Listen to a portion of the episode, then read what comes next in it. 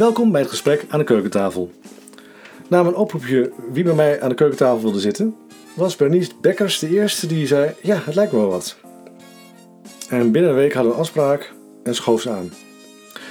En het gesprek ging over beelddenken, ADHD, samenwerken en de spiegel die kinderen jou als ouder en als volwassene voorhouden. Ik vond het een mooi gesprek. Luister je mee? Bernice, welkom. Ja, welkom. Dankjewel dat ik hier mag zijn. Ja, aan de, aan de keukentafel. De Ja. digitale keukentafel. Ja, ik zit nu even niet aan de keukentafel, anders is het uh, Oh, jawel, weet je, dat weten de mensen niet, joh. oogst. Niks zeggen. Nee, ja, het idee was natuurlijk voor mij wel om eh, ooit het gesprek echt aan de keukentafel te voeren. Want dat zijn de gesprekken wel die het, eh, ja, meest huiselijk zijn, maar gewoon de leuke gesprekken. En eh, nou ja, de digitale versie werkt natuurlijk ook goed. Ja, want anders was ik niet zo snel gekomen, denk ik, want we zitten aan Nee. de andere kant van het land. Het was ook, eh, ook dat, weet je. Ik woon ook belachelijk ver weg. En jij trouwens ook. Ja, voor jou woon ik even ver weg. Ja, het werkt van beide kanten inderdaad. Maar dat is dus waar hoor. En eh, wat ik wel grappig vond, is dat ik dus eh, van de week een oproepje deed van nou, wie wil mij een gesprek? Nou echt, ik weet niet hoe je het deed, maar dat was binnen een minuut had ik een DM. Ja, maar ik open mijn LinkedIn en dat was het eerste wat in beeld kwam. En ik dacht, oh, dat doe ik. Ja, en je intuïtie zegt altijd de eerste seconde de waarheid, hè? Ja, Daarna ja, kan je er allerlei kritische stemmetjes overheen gooien. ja, precies. Van, had ik hem maar niet gedaan. En ik twijfel, ik kan nog terug. En, en dan man die dan zegt van, eh, nou, ik weet niet of ik dat zou doen. Wat doet die man dan? Ik zeg, ja, dat weet ik niet. Weet je, het lijkt me gewoon leuk, ja. ja, ja. Oh. iets anders. Ja. Heb je nog een antecedentonderzoek gedaan dan eh, deze week? Ehm, of ik dat heb... Nee. Oh, Nee, weet je, dat, het voelt voor mij goed. En eh, ja, soms ben ik daar naïef in. Maar over het algemeen, eh, sinds ik steeds meer op mijn intuïtie en op mijn gevoel vertrouw... eh, komt het altijd, levert het me altijd iets op. Laat ik het Ja. zo zeggen. precies. Maar wat, wat triggerde jou nou dan in, in die oproep? Ehm, ja, dat is eigenlijk wel raar. Dat weet ik eigenlijk niet. Het was meteen van wie wil mij in de keuken. Ik denk, nou, dat lijkt me leuk om mijn verhaal een keer te doen. Ja, ik merk echt dat ik sinds een paar jaar meer eh, naar buiten toe gericht ben. Ben ook Facebook Live gaan doen en zo. En dat, sinds een paar jaar, dat is niet waar, dat is bijna een jaar geleden. Daar werd ik min of meer in gemanoeuvreerd. En toen dacht ik van, oeh, ga ik uit mijn comfortzone, ga ik dit doen? En toen dacht ik, weet je, ik ga het doen. En toen dacht ik, dit vind ik hartstikke leuk. dus dan zie je maar weer dat als je iets probeert, dat het niet altijd eng hoeft te zijn. Ja, het is even spannend, maar dan is het wel heel leuk als je het ged- gedaan hebt. Ja, precies dat. Maar wat, wat brengt jij dan eh, bij Facebook Live? Ehm, nou, ik schrijf artikelen voor Nieuw Tijdskind eh, eh, magazine, online magazine. Of je kan het in je brievenbus krijgen, maar eh, je kan het ook op Facebook volgen. En daar hebben ze vorig jaar in november een digitaal café gestart, zeg maar, een Nieuw Tijdskind café. En ik ben een van de auteurs en wij zijn samen gaan zitten om tijdens de jaarwisseling allemaal een, een live te ver- verzorgen of iets anders, of een meditatie of visualisatie. En toen was mijn planning van, weet je, dan doe ik dat op maandagochtend 4 januari als alle jongeren weer naar de middelbare school gaan. Want ik, ja, dan komen we op wie ik ben en wat ik doe. Ik heb een praktijk voor gezins- en kindercoaching, waar ik vooral met name dus, of eigenlijk alleen maar jongeren help, eh, coach en ouderbegeleiding geef. Ik heb 30 jaar gymles gegeven hier op het Stedelijk Gymnasium in Breda. En dan zie je daar af en toe kinderen, of voer je kinderen die niet lekker in de vel zitten. Maar ja, als je in de gymzaal staat en eh, er heeft er een een probleem en die loopt naar de kleedkamer en ik ga erachteraan, dan heb ik een probleem als iemand anders uit de ringen valt. Mhm. Dus dat ging mij steeds meer kriebelen. En daarbij ehm, voelde ik ook dat mijn eigen dochters spiegels waren. Want mijn oudste dochter ging naar de middelbare school. Dus alles van mijn eigen middelbare schoolleeftijd werd gespiegeld, getriggerd. En dat ik dacht, wat gebeurt hier? Ik kreeg buikpijn bij eerst onvoldoende. En nou ja, zelf aan de slag gegaan. Eerst met mijn kind. Toen bleek dus toch dat zijn spiegel verhield dat ik vooral zelf ook iets te doen had. Ja, toen ben ik in 2014, een 13, 14 opleiding voor gezins- en kindercoaching gedaan. En in 2014 gestart met mijn eigen praktijk. En dat deed ik eerst naast. Drie dagen eh, gymles geven. En zorgcoach en mentor. En ehm, nou, bijna drie jaar geleden fulltime dit. Fulltime in ieder geval mijn baan opgezegd. En heb ik mijn eigen praktijk. En daar zit ik nu ook. En, eh, Zo. dus ja, dat is eigenlijk mijn proces geweest om hier jongeren te helpen en ouders. Maar wel bijzonder dat je dan uh, opmerkt hè, als docent. Je, je, tenminste, bijzonder. Dus ik denk dat elke docent veel doet. Maar jij gaat er daadwerkelijk iets mee doen. Maar um, vervolgens maar maak je er een, echt een volledige baan van. Is het, is het dan dat je, dat je dan um, uh, uh, zelf daarin meer bekend wordt? Dat mensen denken van hé, hey, dat helpt of dat draagt bij? Of zijn de problemen groter aan het worden? Hoe zit dat? ik denk dat het een, een combi is. het was op een gegeven moment een pad waar, wat ik niet anders kon lopen. Ik voelde op school, ik kreeg letterlijk jeuk, ik kreeg last van uitslag. Dus mijn hele lichaam gaf eigenlijk aan je moet hier weg. En ik had het echt naar mijn zin, hè, want dat is altijd, ik heb een mooi afscheid gehad, geen enkel probleem. En het, het frappante wil dat ik dus, um, dat ze me afgelopen juni hebben gevraagd of ik daar wil komen coachen. Dus nu ga ik daar als ZZP'er volgende week beginnen met een paar uur jongere coachen die vastlopen. Dus ik ben weer terug. En dat is toch ook wel bijzonder eigenlijk. Dus ja, het, het, het is zo gelopen en ik ben veel meer gaan vertrouwen dat alles wat Ehm, als ik het vanuit mijn hart doe en vanuit mijn gevoel, dat dan de dingen op mijn pad komen waar ik, ja, die me wat opbrengen, die me wat opleveren. Mhm. als, het, als het pijn doet, dan denk ik, oh, daar mag ik zelf nog iets mee doen. Ja, maar dat vind, ik, dat vind ik wel bijzonder hoor. Want dat hoor ik, dat hoor ik niet vaak. Dus meestal ligt de oorzaak uh, extern, hè? Uh, tenminste, komt er mensen over. Nou ja, dat is vaak wat ouders doen. Dan bellen ze en dan komen ze van, nou, um, hier is mijn kind en dit is het probleem. Mm en dan geef ik al meteen aan, dan staat ook op mijn site, ik werk met kind en ouder. Dus dan, ja, dan leg ik toch wel terug bij de ouder van, oké, wat maakt dat het bij jou zo triggert? En dan is het vaak ja, dat die ouder dus ook komt, maar dan meer uh, voor een opstelling. Dus ik werk echt systemisch om te kijken van, wat spiegelt het kind door zijn gedrag? En dat doen pubers met name natuurlijk keihard. Hè?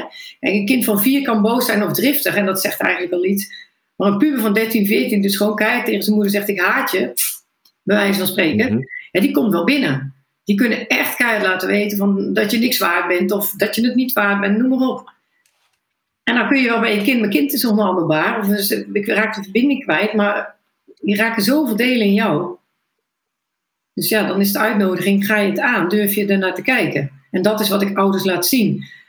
En dan komen ze. Alles voor kind, hè? Maar is, is dat moeilijk?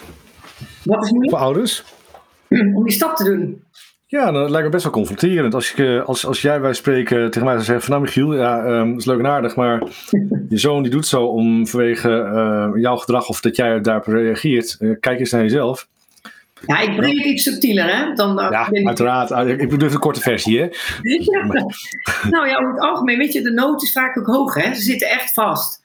Dus ze staan open voor hulp. Op het moment dat een oude hulp gaat vragen, is er echt al een proces aan vooraf gegaan. Eerst hebben ze het zelf geprobeerd en misschien andere dingen en dan blijkt niet te helpen. Nou ja, weet je, en dan komen ze op mijn pad en dan heb ik ze aan de, aan de telefoon in eerste instantie. En als ik dit dan vertel op deze manier, dan zegt ze ja, ik denk dat ik hier op het juiste adres ben. En ja, en dan komen ze. Mhm. Ja, daarom, ik, ja, ja, zo werkt het.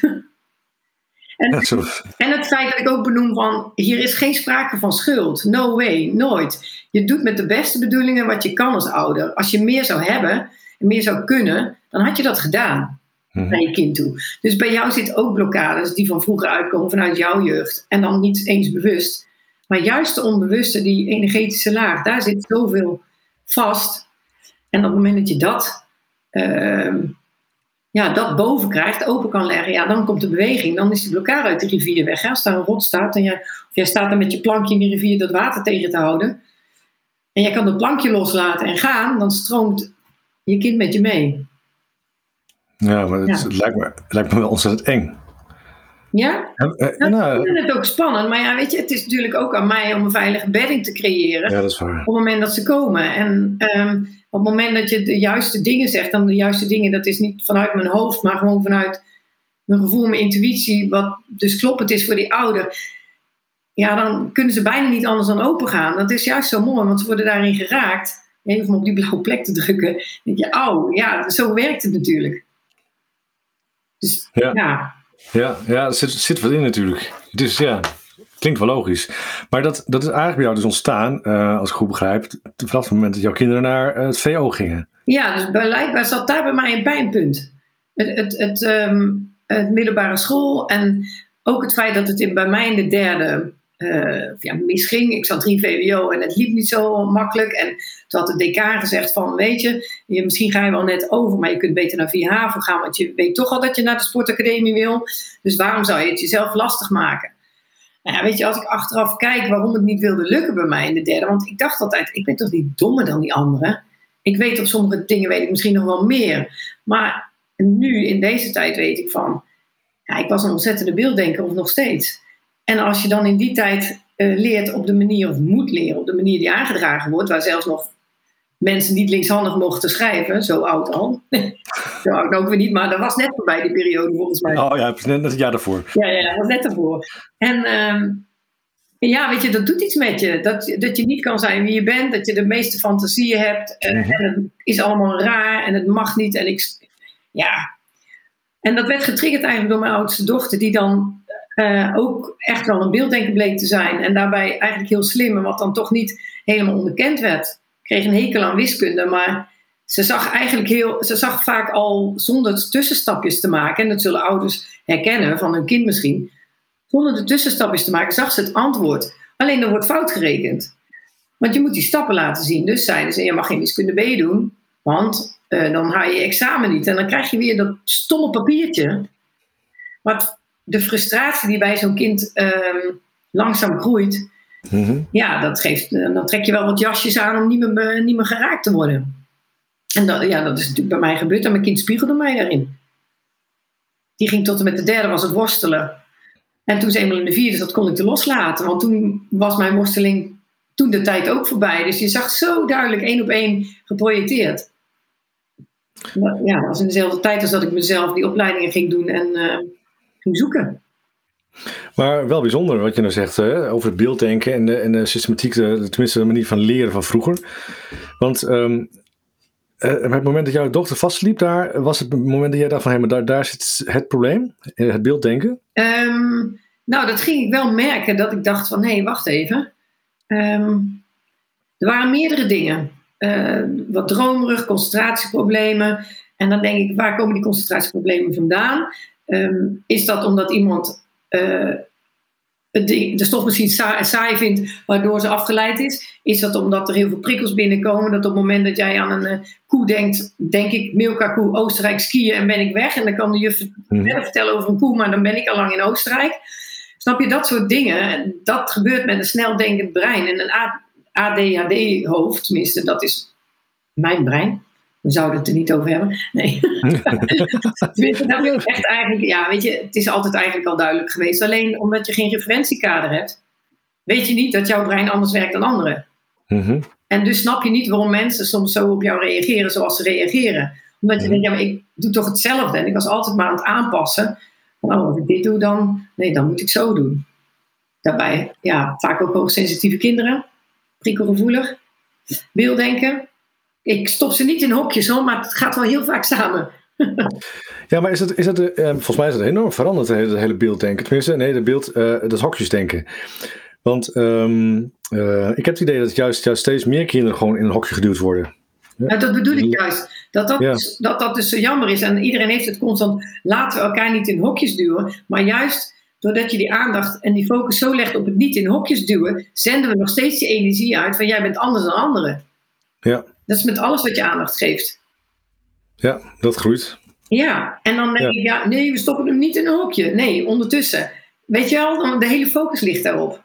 Ja, ja maar dat... Oh ja, sorry. Nee, precies. Nee, maar dat is, dat is uh, eens herkenbaar. Maar ik had laatst op LinkedIn ook een, een artikel geplaatst over hokjesdenken. En oh. um, ik ben bezig met, met um, sociale psychologie. Um, raas interessant. Ontwikkelingspsychologie vind ik ook super gaaf. Ja, Maar je merkt heel duidelijk dus dat het hokjesdenken, dat is echt iets puur menselijks. Hè. We, we, we, moeten uh, onze dingen kaderen. Ja. Dus, um, en toen kwam ook een leuke discussie naar voren van, uh, ja, we moeten stoppen met hokjesdenken. Toen dacht ik van, ja, maar waarom? Want uh, wat je nou ook terecht aangeeft, als je dan niet in hokjes gaat denken, dan ga je volgens mij onbewust juist wel doen. En um, ik dacht juist van, ah ja, als je wel duidelijk aangeeft van jongens, we hebben die hokjes, dan kan je er ook gewoon uh, op reageren. En dan weet je ook gewoon dat je niet uh, afwijs moet reageren of het anders moet benaderen, maar dat je er gewoon ja, bewust van bent. Ik weet niet precies hoe ik het uit moet leggen hoor. Maar... Nee, ja, ik denk juist dat het goed is. Want doordat, het doordat ADHD dacht ik, oké, maar er zit vaak zo'n negatieve lading op al die Dat. etiketten. Dus, Want als, je, Alsof het een ziekte is. als ik tegen een ouder zou zeggen, van, ja, ik denk dat je kind autistisch is. Ja, dan denk je dat, dus, dat zit al zo'n lading op voor, voor een heleboel Ja. mensen. En met het ADHD ook, want dat wordt gezien als drukke, onhandelbare kinderen. Ik had ze natuurlijk ook in de gymles. Ik had er ook last van. Als dan een jongetje constant anderen bij het inlopen bijvoorbeeld zijn benen uitstak en iedereen liet struikelen en gewoon niet stil kon zitten. In een klas van 30. Het is ook niet handig. Mhm. En, en hoe los je dat dan op? Want ja, je hebt wel 29 anderen die ook aandacht nodig hebben. En dat is Ja. gewoon het lastige, waardoor de negatieve ladingen op die eh, namen of die hokjes of die etiketten komt. Terwijl, ehm, en dat is natuurlijk ook hetgeen waarom ik het waarschijnlijk zelf nooit ehm, heb willen weten, misschien. En nu zeg ik ADHD-hoofd, zei ik tegen jou. En nu ga ik eindelijk de, eh, de voordelen en de kwaliteiten ervan zien. En dat is echt het proces van de laatste maanden hoor. Want die kwetsbaarheid komt nu pas echt aan het licht. Ik heb eh, twee weken geleden, drie weken geleden, een stuk op Facebook geplaatst op mijn bedrijfspagina over hoe ik het ervaren heb als ADHD-kind. De veroordeling van anderen en de veroordeling op mezelf, eh, het afgewezen worden, het aanpassen, het me schuldig voelen als ik weer te veel aanwezig was. Noem maar op. Ik heb heel veel reacties op gekregen. Want dat is wat het is. En als je eenmaal ziet van, ja, mijn brein werkt echt anders. Maar ook de kwaliteiten. Het snelle denken, het associëren, het snel lezen van de ander. En dat he- kan ik nu allemaal in mijn praktijk, in de praktijk brengen. Ja, precies. En dat is dus zo fijn nu. Ja. Dat, Het zijn gewoon hele gevoelige, intuïtieve mensen, als ze tenminste mogen zijn wie ze zijn. Ze hebben zoveel meer eh, creatiefs en mooie dingen te brengen in de wereld. Dan al die hoofdmensen. Hoofd of, Nou ja, dat geloof ik hoor. Maar ik, weet je, ik kan me ook heel goed indenken. Ik heb zelf ook voor de klas gestaan. En eh, ik had ook, eh, nou ja, de AD, in mijn klas. En dat was toen net een, een soort van hype aan het worden. Want eh, ja, eh, had je een stempel ADHD en dan kreeg je meteen een Ritalin. En dan was het gewoon, eh, nou, verdoven. ja, Heb ik eh, altijd heel bijzonder gevonden hoor. Maar ehm, ik kan me wel voorstellen dat je als leerkracht gewoon met één of twee ADHD'ers in je klas, nou, best wel zwaar hebt. ja, dat denk ik ook. Maar ik, ik- als ik nu denk van hoe zou je daar mee omgaan? Ja, ik denk vooral eh, het erkennen en mee omdenken. Hoe je Mhm. zo'n kind eh, tot zijn recht eh, kan laten komen. En in de klas. Ehm, in ieder geval het in gesprek gaan met het kind van oké, wat werkt voor jou en wat werkt niet. En ik denk dat dat heel anders is dan hem in de hoek zetten of op de gang omdat hij lastig is. Ja, Kijk, ik heb ook niet de oplossing in pacht, maar als. ehm, kijk, weet je, toen ik zeven of acht was, heeft een, een juffrouw destijds tegen mijn ouders gezegd op een ouderavond: ehm, als zij zo door blijft gaan met het vlinderachtige gedrag, want dan zat ik omgedraaid, want ze zetten mij vooraan in de klas. Dus wat doet een kind wat prikkelgevoelig is? Die zit natuurlijk het hele omgedraaid. Er gebeurde wel eens dat ik iets omstootte van het meisje achter mij op de tafel. Mhm. En dat, dan was een werkje kapot of zo. Ik weet het nog heel goed. En toen had de juffrouw tegen mijn ouders gezegd: als zij dit gedrag blijven tonen, houdt ze geen vriendin meer over. Nou, dan moet je. En mijn ouders hebben dat van, met de beste bedoelingen vanuit hun angst om alleen te komen staan aan mij verteld. En als je dan 7, 8 jaar bent, 8 jaar, ja, wat doet dat met je? Het, eh, op het moment dat ik maar even het gevoel had van. eh, kreeg terug van, oeh, ik ben te druk. Bam, alle luiken dicht. Ik, ik was echt. Op dat moment is het dicht gegaan.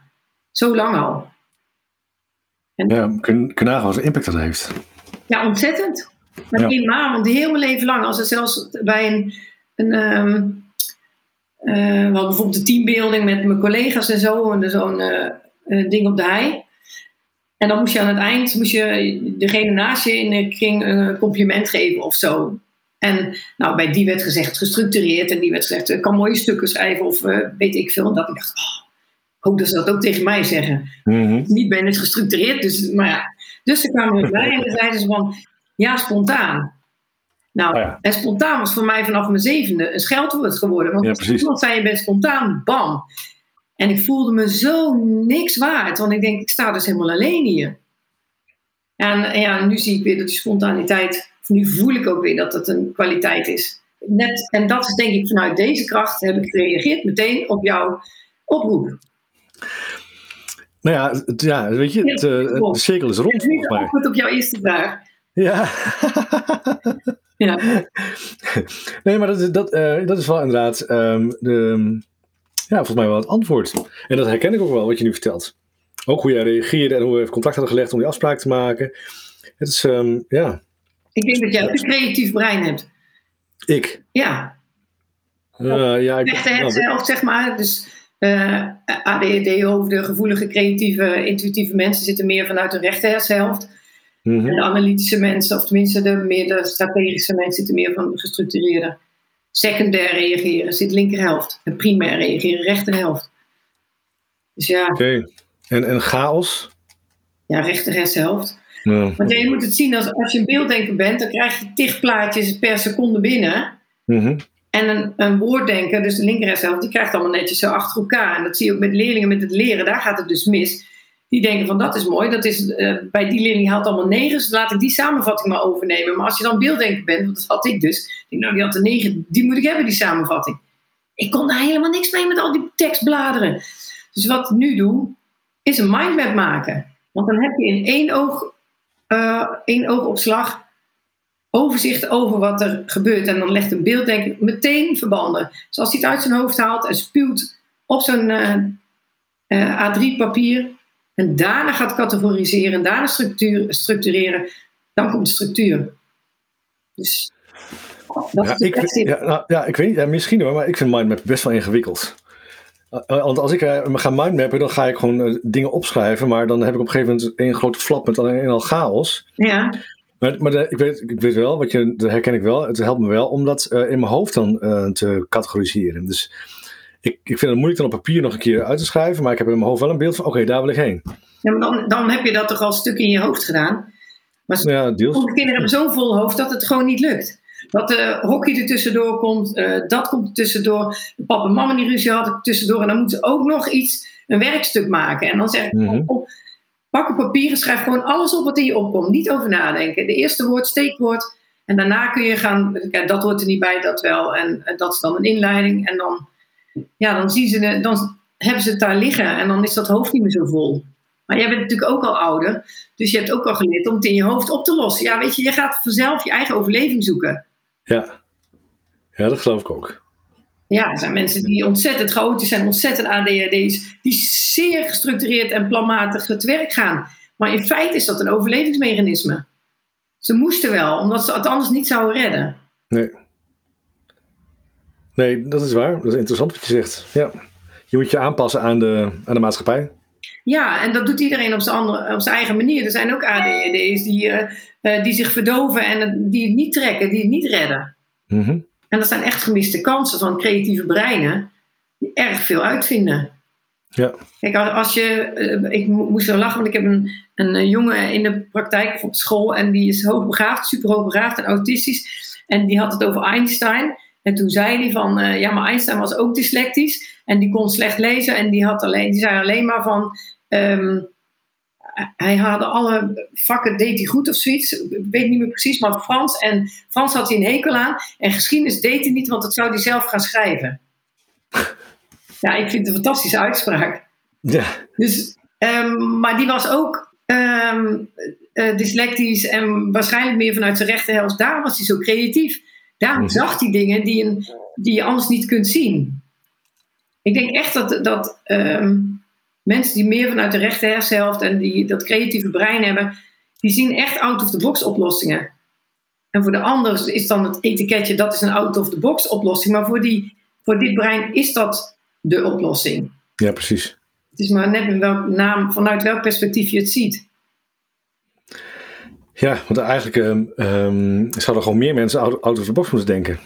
Ja, maar dat kan, dat kan niet iedereen. Want die, Nee. dat brein, dat, dat andere, eh, hè, die zit in het andere deel. Mhm. En ik denk ook, dat zou heel fijn zijn. Maar het zou vooral fijn zijn als ze meer zouden men, luisteren naar mensen die out of the box denken. Alleen omdat ze er vaak niet bij kunnen, denken ze, ja nee, dat is niet de oplossing. En achteraf blijkt dat dus dat de oplossing is. Dat zie je vaak bij kinderen. Ik geef altijd het voorbeeld hier in de praktijk. Dat als eh, over het samenwerken, dan moeten ze bijvoorbeeld een, eh, eh, bij techniek een huis ontwerpen. Nou, een beelddenker ziet meteen een huis voor zich. Dan zeg ik, is een wit huis voor mij met rode dakpannen, deur in het midden, ramen aan, aan beide kanten. Maar die groep, die zegt, die staat onderaan dat trapje. Want die beelddenker staat dan bovenaan, die ziet dat geheel al. Maar de anderen zijn geen beelddenkers, zijn geen out-of-the-box denkers op die manier.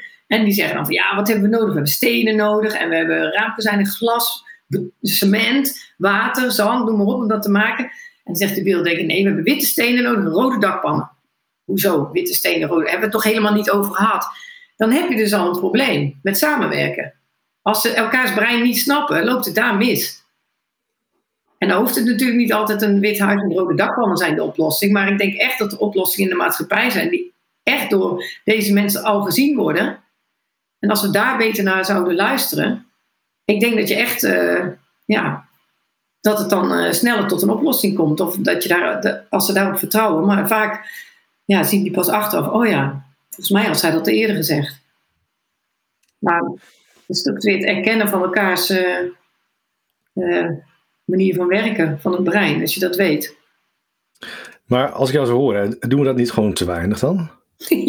ja, vind ik wel. Want die kinderen komen bij mij in de praktijk met, en, en oude kinderen, hoogsensitieve, out-of-the-box denkers, die, die gewoon vastlopen in het onderwijs, hoe slim ze ook zijn. En vaak zijn ze nog veel slimmer dan, dan dat eruit komt, omdat er vaak een concentratieprobleem bij zit. En dan, dan denken ze van ja, ja, hij kan zich niet goed concentreren. En dan denk ik ja, maar hij is eigenlijk redelijk slim, alleen niet passend in dit onderwijs. Ja, dan zijn we weer terug bij het onderwijs, wat echt op de school moet. Ja. Er zijn er al steeds meer mensen mee bezig, maar het is heel uh, schrijnend wat je af en toe ziet, dat kinderen daar nergens terecht kunnen. Nee, dat, dat, dat herken ik. En dat, eh, dat, hoor ik ook heel veel. En ik ben blij met heel positief geluid, zoals jij nu ook vertelt. Hè, dat, dat je de, de positieve kanten ervan in moet zien. En niet het stigma van uh, alles wat, wat afwijkt is slecht. Nee. Um, maar ik, ik vind het wel, ik vind wat je nu vertelt over het samenwerken bijvoorbeeld ook. Uh, ja, steeds meer scholen uh, gaan bezig met projecten en samenwerken. En zelfs ook groeps de, de broken werken. Ja. Dat je toch veel meer uh, elkaar op kan zoeken en van elkaar kan leren. Maar ja, ik denk ervan dat is allemaal leuk bedacht. Maar als je geen rekening houdt met hoe kinderen samenwerken. Of dat jij als leerkracht of als school juist één methode aanbiedt om samen te werken. Ja dan loopt, loopt het ook al spaak. Ja, dus begint het eigenlijk al van waar de mensen opgeleid worden om deze kinderen te helpen. En ik, ik weet niet hoe het momenteel op de PABO is, in hoeverre daar gekeken wordt vanuit verschillende kanten. Daar kan ik geen enkel oordeel over doen, want ik weet echt niet wat er nu gebeurt.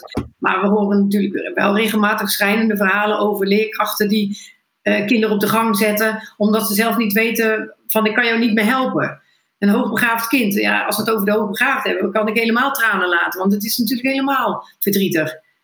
Dat de kinderen gewoon niet passen, nergens passen. En dat de docenten het ook niet weten. En het, kijk, ik zeg altijd van, ehm, en dan zeg ik het heel zwart-wit. Uh, als je bedenkt dat 100 het gemiddelde IQ is. En kinderen van 70 en lager hè, worden met een busje opgehaald, bij wijze van spreken. De kinderen van 130 en hoger, daar wordt niks mee gedaan. Snap je? Die wijken net zoveel af van het gemiddelde. Maar daar is niet een aparte school voor. Ja, dat, gelukkig komt het steeds meer. Maar het lastige hiervan is natuurlijk dat wie zet je voor die groep? Dat moet ook een hoogbegaafde zijn. Want anders dan kun je het niet snappen. Want die kinderen denken echt anders. Ik had een meisje en die heeft mij het uitgelegd en toen kon ik het snappen. Uh, zelf ben ik ook niet dom, maar ik heb niet dat plafond. Zij zegt, ik kan alles leren wat in de boeken staat. Alles. Ik heb, een, ik heb geen plafond. En wij um, hebben een bepaald IQ, hebben allemaal ergens een plafond van dingen die je nog wel of niet begrijpt. Ze zegt, ik heb geen plafond. En toen dacht ik, ja, dit is wat het dus is. Jij kan dus alles leren. Alles uit de boeken. Nu ook een autistische jongen met 145 plus, die dus echt um, van 1 naar 3 is gegaan. Die zegt, geef me maar een examen van klas 6. En dan zie ik daar wel, dan, als ik dat maak, dan weten jullie toch um, waar ik, waar ik wat mis. En dan stap ik voor geschiedenis bijvoorbeeld in klas 4 in. Voor aardrijkskunde in 5, voor wiskunde in 3. denk ik, zo zou het moeten. Mm een soort maximaaltest, zoals je bij de fitness doet. En daarna ga je je programma erop afstemmen. Ja, precies. In ieder geval bij de hoogbegaafden. Ja, maar ik ben ervan overtuigd dat je dat eh, met alle kinderen zou moeten doen. Nou, ik ook, maar ik zit natuurlijk, ik heb 30 jaar lesgegeven op een categorie gymnasium. Mm Kinderen hebben er gezeten, mijn man heeft er gezeten, dus wat dat betreft is dit wel meer mijn doelgroep, zeg maar. Ja, precies. Ik zou kinderen die, die um, ja, ander onderwijs hebben gehad, of ja, hoe je het ook mag noemen, zou ik tekort doen als ik daar met mijn. Daar ligt, daar, daar ligt niet mijn kennis. Daar zijn weer heel veel andere docenten of andere mensen, coaches, die daar superveel kennis van hebben. Ja. Dan zou ik de kinderen tekort doen als ik daar vanuit mijn projectie, hè, vanuit mijn referentiekaders, uh, iets zou willen bij ja, maar is dat zo? Uh, over out of the box gesproken? Nou, ik denk qua intuïtie niet, maar wel de belevingswereld van zo'n kind. Uh, snap je? Ik weet niet precies hoe het er aan toe gaat op een MAVO. Ik heb daar ooit drie maanden vervangen. Mm -hmm. Hier wil ik niet zijn, want er was in de gymles en er was alleen jongens derde klas. Nou, toen was ik net van de academie af. En als ik, bij, als ik bij het voetbal stond, stonden die jongens aan de andere kant met een hockeystick van achteren bij elkaar. Die stick tussen de benen door te, uh, te trekken. Mm -hmm. Nou, dat is niet zo fijn als jongen. En dan stond ik bij het hockey, dan stonden ze elkaar met de bal uh, blauw uh, lam te trappen. En toen dacht ik, nee, ik denk niet dat dit mijn doelgroep is. Ik wil kinderen echt iets leren en hier voel ik me meer politieagent. En het is zo gelopen, hè? want misschien als ik daar langer was gebleven, had ik daar die affiniteit mee gekregen. Maar de, voor nu is dat dus niet zo. Nee, precies. Nee. Dus uh, ja, het is zoals het is. Ja, want dat is wel interessant. Want um, als, ik, als ik jou beluister, je, je, bent, je bent nu echt een coach gericht op. op uh, welke, heb je een bepaalde leeftijd? Waar je op ja, 12 plus, hè? Ja, echt wel. Ja, echt middelbare school. Tot, en, tot... en ja, eigenlijk van, ik zei altijd voor de grap van 12 tot 22, maar ik heb regelmatig studenten die vastlopen, die dus slim zijn, die op de middelbare school zo doorheen gefietst zijn, HAVO of VWO, komen op de universiteit HBO, lopen nu vast. En dan blijken ze uiteindelijk ook beelddenkers te zijn. Maar eigenlijk super slim als ze al zo ver zijn gekomen in dit onderwijs, op met deze manier van werken, met hun brein. Maar die zijn ondertussen ook heel veel zelfvertrouwen kwijt. En dan is het dus in de paarsessies ze in de kracht zetten en alleen nog dit verhaal vertellen, dat ze denken, dit is een feestje van herkenning. Dit doet mijn brein en dat ik ze kan volgen. En je zou eigenlijk zo'n gesprek eens een keer op moeten nemen. Als we dan met z'n tweeën bezig zijn, dan zou een buitenstaander denken van, dit is een gesprek van de hak op de tak. Dat hebben we nu misschien al een beetje. Maar als je mm -hmm. twee chaotische denkers bij elkaar doet die elkaar kunnen volgen daarin, dat is fantastisch voor die twee mensen. Maar het voor de, voor de buitenstaander fijn is om naar te luisteren, ik heb geen idee. nou, we, we, kunnen feedback vragen naar deze podcast. Ja, ja. maar voor die studenten is het in ieder geval heel fijn en het werkt en uh, ja, dat is gewoon tof. Ja. Maar is er, is er dan, is er dan um, um, het boeit me echt wel enorm, want Zie je dan ook uh, bepaalde overeenkomsten met, met, met uh, de kinderen die jij over de vloer krijgt? Hè, beelddenken bijvoorbeeld, is dat een van de, de stereotypen die je ziet? Ja, ja. Je, je krijgt wat je aan kunt zeggen zelf, je krijgt wat bij je past. En ik krijg ja. heel veel uh, beelddenkende kinderen die dat dan op dat moment allemaal nog niet zo weten. Beelddenken, beelddenkende, hoogsensitieve, um, intuïtieve, gevoelige, creatieve kinderen. Dus die niet zo goed passen, die vastlopen ergens. Die voelen van, hé, hey, je krijgt negatieve feedback, frustratie vaak te horen krijgen van, er zit meer in, maar het komt er niet uit. En ik zei dat ook wel eens, en we bedoelen dat, en dan wil ik eigenlijk een heleboel docenten meegeven. Dat zeggen we zo vaak tegen een kind, hè? Van, uit, met de beste bedoeling om te zeggen, jeetje, hè, je bent hartstikke slim of uh, uh, er zit meer in, maar het komt er niet uit. Ik heb kinderen in mijn praktijk gehad die met een fiets bij de trein hebben gestaan omdat er een docent voor de derde keer die dacht dat zijn. Want het is puur machteloosheid van die kinderen. Want ze voelen het wel dat ze slimmer zijn, maar het komt er niet uit. En dan krijgen ze dat weer te horen. Echt, nou, de tranen liepen over mijn wangen toen die jongen dat vertelde. Ja. En het is zo goed bedoeld hè, van ons als docent. Want wij willen juist dat kind Tuurlijk. laten zien van... ik zie meer in je, je hebt meer potentie. Maar zie dan daarachter die machteloosheid van het kind en die eenzaamheid. Ja. Dus uh, ja. Ja, maar wordt het überhaupt wel uh, opgemerkt? Wat zei je? Wordt het wel opgemerkt? Als ik het zo hoor, dan, dan heb ik het idee dat dat best wel een lastig onderwerp is. Voor nou ja, te weinig nog, denk ik, omdat we daar niet bij stilstaan. Want die, die, die kinderen stellen zich daar niet zo kwetsbaar in op. En vaak weten ouders het ook niet. Ja, die lopen vast. Maar die, dat kind zit al eigenlijk zo vast dat, dat hij het ook niet naar zijn ouders vertelt. Dat is ook vaak uit loyaliteit natuurlijk. Die wil zijn ouders weer niet verdriet doen. Dus die gaat niet zeggen dat hij met de fiets bij de trein heeft gestaan. Ja. Nee. Nee. Maar dat, ja, dat komt er dan hier wel uit. En dan is dat een ontzettende opluchting voor zo'n kind. En dat ik het anders benader. En dat ik juist die opmerking benoem van. En dan zeggen ze waarschijnlijk dit tegen je. Ja, ja, ja. En toen kwam dat verhaal van ja, dat was bij mij één keer te veel die dag. Ja, ik vind dat wel heftig. Maar is, dat, dat, is, dat is natuurlijk gegroeid in de loop van de tijd. Het kind op de basisschool uh, heeft er al heel veel meegemaakt. Wat jij ook ervaren hebt met, met, met jou, uh, ja. je acht was. Het, het wordt zoals ik jou nu zo beluister, een soort van uh, uh, bescherming of ja, een mechanisme. Um, totdat het in één keer overloopt. Ja, maar ja, zo loopt natuurlijk iedereen. Ehm, eh, bij elk traumaatje, zeg maar, hoe klein dan ook. Want trauma zien we, denken we vaak aan iets heel erg heftigs. Maar de meest kleine dingen kunnen al schadelijk zijn. Wat een kind meeneemt. ik denk dat we bijna allemaal wel nog een opmerking van iemand uit onze jeugd kunnen herinneren die echt binnenkwam. En waarvan je dacht, oh, dat vindt hij dus blijkbaar van mij. En als dat vaker, dan, ga, dan is het net, jouw brein doet dat. Die trekt dan meer van die opmerkingen aan. En dat beschermingsmechanisme wordt steeds groter. Ik zeg altijd, bij elke opmerking of bij elk traumaatje trek je een jas aan. Nou, dan kun je je voorstellen als je 50 bent, als ik hier een ouder heb, hoeveel jassen jij aan hebt na 50 jaar. Maar een kind van 12, 13, 14, die heeft nog niet zoveel jasjes aan. Dus je kunt hem best snel helpen ja, om van die shit af te komen, zeg maar, die ook deels weer door zijn ouders um, geprojecteerd worden. Ja, want die weten ook niet hoe ze mee om moeten gaan. Die, die lopen zo Nee, want die lopen er zelf. Weet je, ik, ik zeg wel eens um, een, heel cliché voorbeeld hoor. Dat als een moeder op het schoolplein staat. En, um, en dat is echt heel cliché. Met rood haar bijvoorbeeld. En dat jongetje die gaat naar school en die komt thuis. Ook rood haar, het jongetje. Dat was vroeger natuurlijk echt nog dat daar veel mee gepest werd. Een fantastische kleur. Maar nogmaals, een cliché. Hm. Dus dat, um, het jongetje komt thuis van een jaar of vijf, zes en die zegt tegen zijn moeder: Hé, uh, hey, mam, en dan zegt dat, uh, jong, uh, die moeder van: Hé, hey, Freek, hoe was het vandaag op school? Ja, was leuk. En, en terloops benoemt hij dan dat Bram vuurtoren tegen hem zei. Wat denk je dat er met die moeder gebeurt op het moment dat dat jongetje dat Blanco zegt, hè, want bij de jongen zit er nog geen lading op dat moment.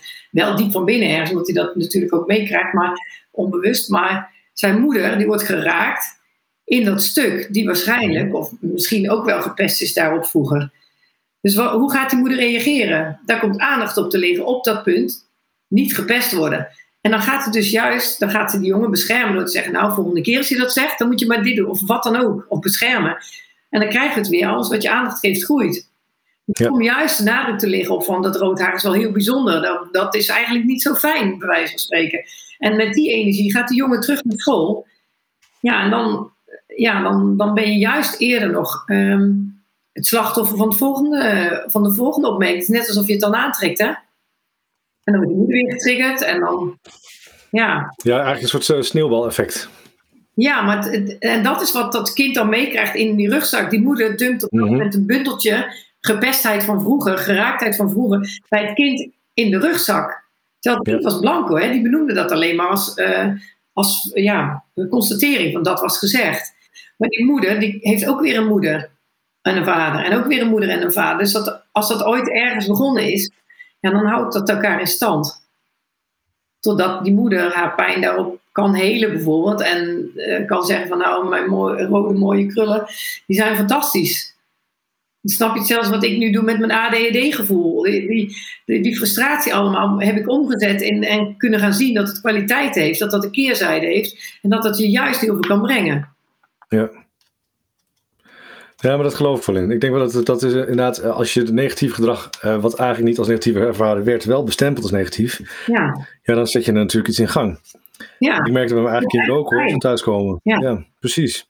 Nee, weet je, Onbewust, hè? Eh, Onbewust. We doen alle, hier ook weer geen sprake van schuld. Het is nee, nee, nee, dat voor je kinderen. Precies, dat. Ja. ja. Dus, uh, maar ja, zo geven we allemaal dingen. En ik geef natuurlijk echt dat voorbeeldje van het rode haar. Maar het, het, meestal snapt iedereen meteen van, oh ja, uh, herkennen we het van vroeger. Maar zo hebben we natuurlijk op alle stukken waarin jij geraakt wordt thuis, zegt iets over jou. Mm waar je kind jou ja. raakt, die drukt op die zere plek. En, en als je niet wil luisteren daarnaar, luisteren in de breedste zin van het woord, dan gaat het gedrag erger worden. En dat geldt mm voor pubers helemaal. Ja, mijn kind wordt steeds lastiger. Dan denk ik, ja, hoe vaak moet dat thema voorbij komen? Het is elke keer hetzelfde. Voordat je gaat kijken, misschien heb ik ook een aandeel hierin. En ligt het niet alleen bij het gedrag van mijn kind. Nee, die laat alleen maar wat zien aan jou. Ja, ja precies. En hoe reageer je erop? Herken je het signaal? Ja, meestal niet, want dat is natuurlijk net die blinde vlek. Precies. En daar is het wel eens fijn om dan juist een buitenstaander mee te laten kijken. En vaak ziet een partner dat bij, stel dat het tussen vader en zoon speelt, dan ziet die moeder heel vaak wat er gebeurt. En als ze die man daar dan op aanspreekt, wordt hij boos. Want dat is niet waar of zo. Want hij voelt zich daarin geraakt. Dus hij heeft eigenlijk uh, raak, bingo. Andersom natuurlijk ook. Hij ziet weer dingen tussen moeder en zoon. Uh, van dit en dit. En dan zegt hij, of loyaal aan de eigen familielijn, zeg maar. Maar daar zit wel de oplossing. als je daarna gaat kijken, want als het kind bepaald gedrag vertoont en het zou aan het kind liggen, dan zouden allebei de ouders op precies dezelfde manier moeten reageren daarop emotioneel. En dat gebeurt niet. Die wordt boos en die wordt verdrietig. Of die laat het koud en die zegt, ja, trek het je niet zo persoonlijk aan. Ja. Dus dan laat het gedrag alleen maar iets zien bij een van de ouders op dat moment, dat gedrag. En een ander bepaald gedrag weer bij de ander. Dus de boodschap is helder. Kijk naar jouw aandeel. Van, en, en het is geen schuld, maar ga eens kijken. Wat, wat gebeurde er bij jou op die leeftijd? Waren jouw vader en moeder, zagen ze je echt? Luisterden ze echt? En vaak is er, en dat vind ik echt, dat zie je echt. Ehm, als hier een ouder komt voor een kind van 14 en ik vraag van, goh, wat is er bij jou gebeurd toen je een jaar of 14 was? Hè? En dat hoeft niet dezelfde situatie te zijn, maar wel hetzelfde gevoel als wat jouw zoon jou nu weer inraakt. Ja, dan komt er altijd iets bijvoorbeeld van, uh, toen zijn mijn ouders gescheiden, of toen is er een broertje overleden, of toen is mijn moeder ziek geworden. Er is iets heftigs gebeurd, waardoor de ouders niet meer 100% emotioneel beschikbaar waren op dat moment. Waardoor je als kind ja, liefde mist. Omdat die ouders op dat moment niet daarin toe in staat waren. En dan noem ik nog heftige dingen, maar het kan ook kleinere dingen zijn. Ja. werk, in, in, noem maar op, alle dingen. Het gaat erom dat ze op dat moment even er niet voor je zijn. Maar dan, als dat gemis toch wel uh, belangrijk is, of een, een, behoefte die toch wel heel belangrijk was, ja, dan gaat jouw puber die lekker uh, triggeren. Ja. ja. En dan mag jij dat hele, dat stukje waar jij het in gemist hebt. En misschien heeft, uh, want dan komt vaak als ik dat dan uitteken, zo'n genogram, dan zie je vaak dat ook die generatie daarvoor, iets op die 14-jarige leeftijd iets gebeurd is. Dat ze bijvoorbeeld verhuisd zijn. Of, nou ja, die kan het niet gek verzinnen. Ja. Dus, ja, bijzonder hè, dat het zo'n impact heeft eigenlijk. Ja. Ja. Wow. Hey, en um, wat ik nieuwsgierig ben, want het gaat natuurlijk um, um, heel erg op van wat er niet goed gaat. Hè? De, de, de, de kinderen die afwijken, die, uh, die zijn echt te dupe. Maar uh, ik kan me ook voorstellen dat je ook hele mooie voorbeelden hebt. Dat je denkt, oh, dit was gaaf. Van, eh, en wat bedoel je dan? Van, uh... Nou, dat mensen bijvoorbeeld bij je gekomen zijn en dat je, uh, dat je iemand in één keer ziet uh, opbloeien of in één keer ja, ja. haar en lipnis krijgen. Ja, ja en, en dat zie je met name. Ja, je ziet bij de jongen gaat het heel snel, hè, die dan een feest van herkenning hebben al. En dan gaan ze dat toepassen op school en dan gaan ze in één keer hoge cijfers halen. Ja, dat is natuurlijk fantastisch. En dat dan de leerkracht dat ook zien. En dat eh, klasgenoten dan gaan zeggen van wat heb jij daar? Mind oh dat is interessant. Oh, dat ga ik misschien ook wel eens een keer proberen. Noem maar op. Mhm. Maar ook bijvoorbeeld een ouder die dan voor een opstelling is geweest. En dan, uh, dat doe ik dan met vloerankers. Dus dat zonder representanten, een familieopstelling. En dan met vloerankers waarop je laat ervaren. Dan legt ze er even voor zichzelf neer. Even voor het kind. Voor een kind waar ze door getriggerd worden één vloeranker. Dat zijn van die matjes op de grond hè, waar je dan op kan staan. Dat weet natuurlijk niet iedereen, maar dan kom je in de plek van de ander te staan. Ja. En dan bijvoorbeeld ook een vloeranker voor het gedrag dat het kind laat zien. En dan laat ik ze ervaren. Oké, ga eens vanuit jezelf voelen. Waar ligt je kind ten opzichte van jou? En waar ligt dat gedrag? Ja, ligt tussen ons in. En, uh, en dan laat ik van, ga eens op je kind staan. En dan voelen ze in één keer... en dat was voor een tijdje geleden ook een moeder... Oh, hij voelt zich hartstikke alleen. Ik voel eenzaamheid. Ze voelden dat dus werkelijk. Dus ja, dat raakt natuurlijk heel heftig. Hm. Want dat was een emotie eh, die zij zelf ook herkende. Hm. En dat is natuurlijk wel bijzonder. Van oké, en waar komt die dan vandaan? En als je dan haar vader en moeder daarbij uh, gaat leggen. En je ziet van, hé, hey, dit, dit, komt van mijn vader die toen zus en zo. Nou ja, uh, dat is dan de rest van de opstelling. Maar het mooie is dat ze thuis kwam. En dat ze zei van, ze appte me meteen. Een uur later zegt ze... Nou, ik viel bijna van mijn stoel. Dit is bizar. Mijn zoon die kwam van boven, die heel de dag op zijn kamer zit te gamen en geen contact zoekt. En denkt, weet je, ik hoorde hier niet bij. Ze zegt, die kwam naar beneden en die vraagt aan mijn, uh, aan mijn dochter, die ook beneden was, en aan mij. Van, goh, waar willen jullie lunchen? Want ik ga zoiets voor jullie halen. Nou, ze dacht echt, wat is hier gebeurd? Dus die blokkade van die, eh, van die eenzaamheid, zeg maar, dat gedrag dat hij liet zien, die had zij geheeld. Die is daar dus weggegaan, dus opgelost, dus kan stromen. Dus die jongen hoefde dat niet meer te laten zien. Dus die kon gewoon weer beneden komen. Of tenminste, kon in ieder geval contact gaan zoeken. En tot op de dag van vandaag, dus denk ik een half jaar geleden, af en toe hebben we nog contact, zegt ze van ja, weet je, het is gewoon verbeterd ons contact. En die oude patronen moeten dan wel herstellen natuurlijk, hè? Want mm maar het nieuwe, ja, is wel ruimte gekomen voor nieuwe. Ja. ja. Het is echt heel bijzonder wat er dan gebeurt. Dat je, ja, het zijn cadeautjes. Ja, toch? Ja, zeker weten. Als iemand weggaat en die app laat, dan zeg ik, ja, wel laten weten. Hè? Ik zeg, het valt me echt niet lastig, want ik vind het fantastisch om te horen als, het, ja, als er beweging is gekomen. Ja. Ja, eh, fascinerend. Eh, volgens mij kun je er uren over door blijven praten. Ja. Echt, echt, en je bent er nog stil van, hè? nou ja, weet je, het, zet mij zoveel aan het denken. En ik, ik, ik ga zoveel dingen gewoon in één keer nu op elkaar rijmen. En het is, um, ja, mijn hoofd is nu chaos. Dankjewel. Ja. maar, maar dan wil ik nog even toch. ja, man, oh, dan ellende. Ja. Nee, maar geintje. Maar um, ik, ik ben wel heel benieuwd, hè? Um, in geval als, als afsluiter. Want ik denk dat heel veel mensen dit herkennen. Heel veel mensen ook wel een beeld hebben. En misschien ook wel mensen die ook die beelddenkers zijn, bijvoorbeeld, of juist het gedrag herkennen. Dat ze denk denken van, oh verrek, maar dat is het. Hè? Nu kan ik het uh, rijmen. Ja, dat hoop ik. Dat ze dat... Nou ja, dat, dat zou heel mooi zijn natuurlijk. Ja. Maar wat, wat heb jij uh, uh, een advies of een tip voor bijvoorbeeld die leerkracht of die ouder uh, die vastloopt met een kind? Ja, ik denk van weer. Hm? Ja. ja, nou, en ga vooral luister naar je gevoel en laat je niet meteen leiden door iemand zegt van uh, uh, meld je aan bij GGZ. Want ja, ja daar zijn, ja, ik, nee, daar ga ik niks over vertellen. Maar ga op je gevoel um, um, af en laat luisteren bij andere mensen. En op het moment dat jij de intentie zet van ik zoek de juiste hulp voor mijn kind. Als je daarop vertrouwt, dan komt hij op je pad. Dan gaan er dingen, sta open voor dingen die vaker op je pad komen. Dan denk je, hé, nou zie ik die naam nog een keer. Of hé, nou zie ik opstelling, familieopstelling, komt weer voorbij.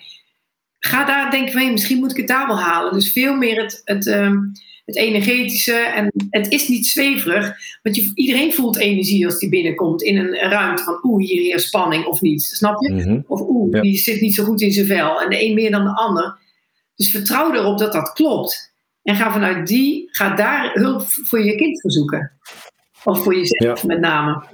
En dan help je dus, kind. Zorg eerst voor jezelf. Precies, volg je gevoel dus. Ja. Het mooie vind ik van deze manier van denken en het doen, is dat je gewoon ook de kinderen gewoon um, in de waarde laat. En um, ja, ook niet uit de situatie trekt. Wat nee. heel vaak gebeurt. Ja, en, en, en daarbij krijg je natuurlijk allemaal pubers. Er zijn er al heel veel die um, een heel traject achter de rug hebben. Dan zijn ze mee daar naartoe gesleurd. En daarna, ik heb mijn dochter toen ze in de tweede zat of zo, heb ik haar ook meegesleurd naar een therapeut waarvan ik dacht dat is goed voor het beelddenken.